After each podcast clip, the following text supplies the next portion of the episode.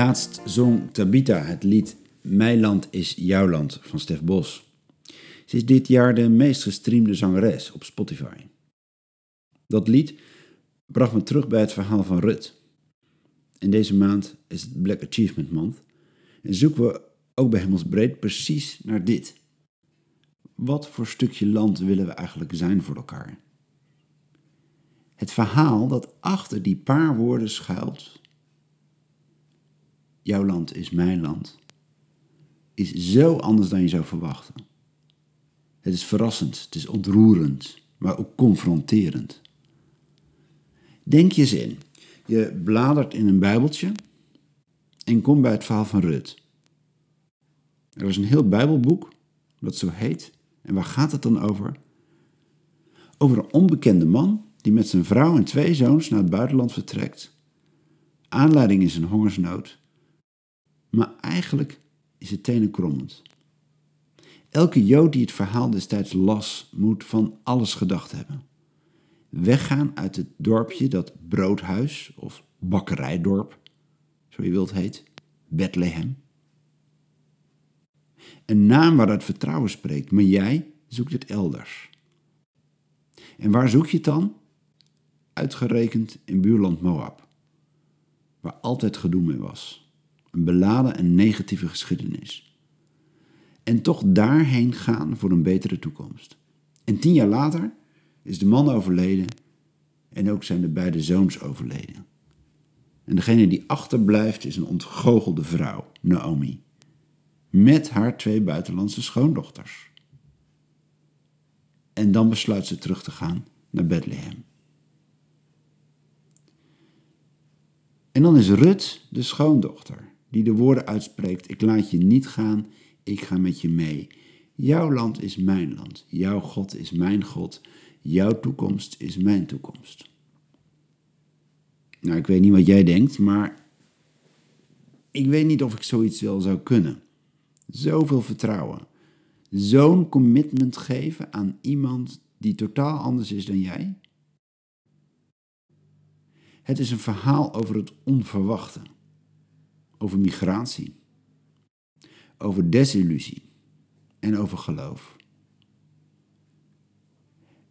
En dat geloof komt van de andere kant, niet van degene die vertrouwd was met God en geloven en dat soort dingen. Naomi, die weet het niet meer, is teleurgesteld in God en ik denk ook in het leven, en misschien wel ook in zichzelf. Het verhaal velt geen enkel oordeel, geen moreel vingertje van, zie je nou wel, dat gebeurt er als je op eigen houtje gaat geloven en zo. Alleen is daar ineens Rut, een jonge weduwe uit een ander land uit een andere cultuur, met een andere religieuze achtergrond. En zij heeft geloof in de God waar Naomi net op afgeknapt is. Zij heeft geloof voor een land dat ze niet eens kent. Alle hoop komt hier naar je toe via een migrant. Durf jij je nog zo te laten verrassen door iemand die anders is? Of voelt het eerder meer als: Horus, dit is mijn land, blijf daarvan af. Iemand die opgroeide in die mentaliteit van wij tegenover zij, was Desmond Tutu. Apartheid heette toen Zuid-Afrika. En dit liedje maakte Stef Bos uitgerekend daar in Zuid-Afrika. Ik weet, jouw volk is bang voor ons wat anders is, maar ik zal bruggen bouwen daar waar die afgrond is. Jouw land is mijn land. Bruggen bouwen, dat is wat Rut doet. Dat is het verhaal dat God je volgens mij laat zien. Desmond Tutu heeft gezegd: My humanity is bound up in yours, for we can only be human together. Met andere woorden, ik kan pas mij zijn door jou.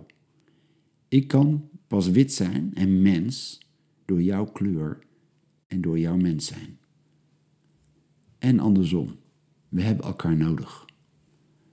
Dus stop elke vorm van white privilege. Want dat is geen brug. Het is een muur, een struikelblok. Institutioneel racisme zit in ons systeem, zeggen kritische stemmen. Terecht. Gewoon om je achternaam bij een sollicitatie. Of om je kleur bij een conflict op de werkvloer. Jij moet meer je best doen dan die ander. Toen Martin Luther King vermoord werd, knapte er bij een witte schooljuf in Amerika iets. En ze besloot een experiment te doen in haar schoolklasje. Ze maakte een paar dagen lang onderscheid tussen kinderen met bruine en blauwe ogen. De blauwogige kinderen werden aanvankelijk achtergesteld en verdacht gemaakt en de bruinogige kinderen gestimuleerd. En binnen twee dagen zakte alle zelfvertrouwen weg bij de kinderen met blauwe ogen. Hun leerprestaties kelderden binnen enkele uren al. De naam van deze schooljuf is Jane Elliott. Haar experiment heeft veel aandacht getrokken en bekendheid gekregen. Zo simpel gaat het als je geen bruggen bouwt, maar muren. Als je onderscheid maakt op basis van uiterlijk, afkomst, cultuur, huidskleur of wat dan ook. Rut is een verhaal waarin alles omgekeerd wordt. En wat je aan het denken zet. Een onbekende jonge vrouw, een migrant, wordt de held in een Joods verhaal. Jezus zelf verbond zijn naam aan de naam van Rut. En precies wat zij deed, deden de eerste christenen, de eerste volgelingen van Jezus later. Een land creëren zonder onderscheid. Plekken waar je kon thuiskomen. Thuiskomen van mensen die totaal verschillend waren. Ik vraag me af welke bruggen wij moeten bouwen naar de ander. Niet de vraag welke brug heb ik nodig, maar welke brug heeft die ander nodig om zich gezien te voelen. Om samen nieuw land te creëren, waar je verbindt, waar je zorgt voor elkaar.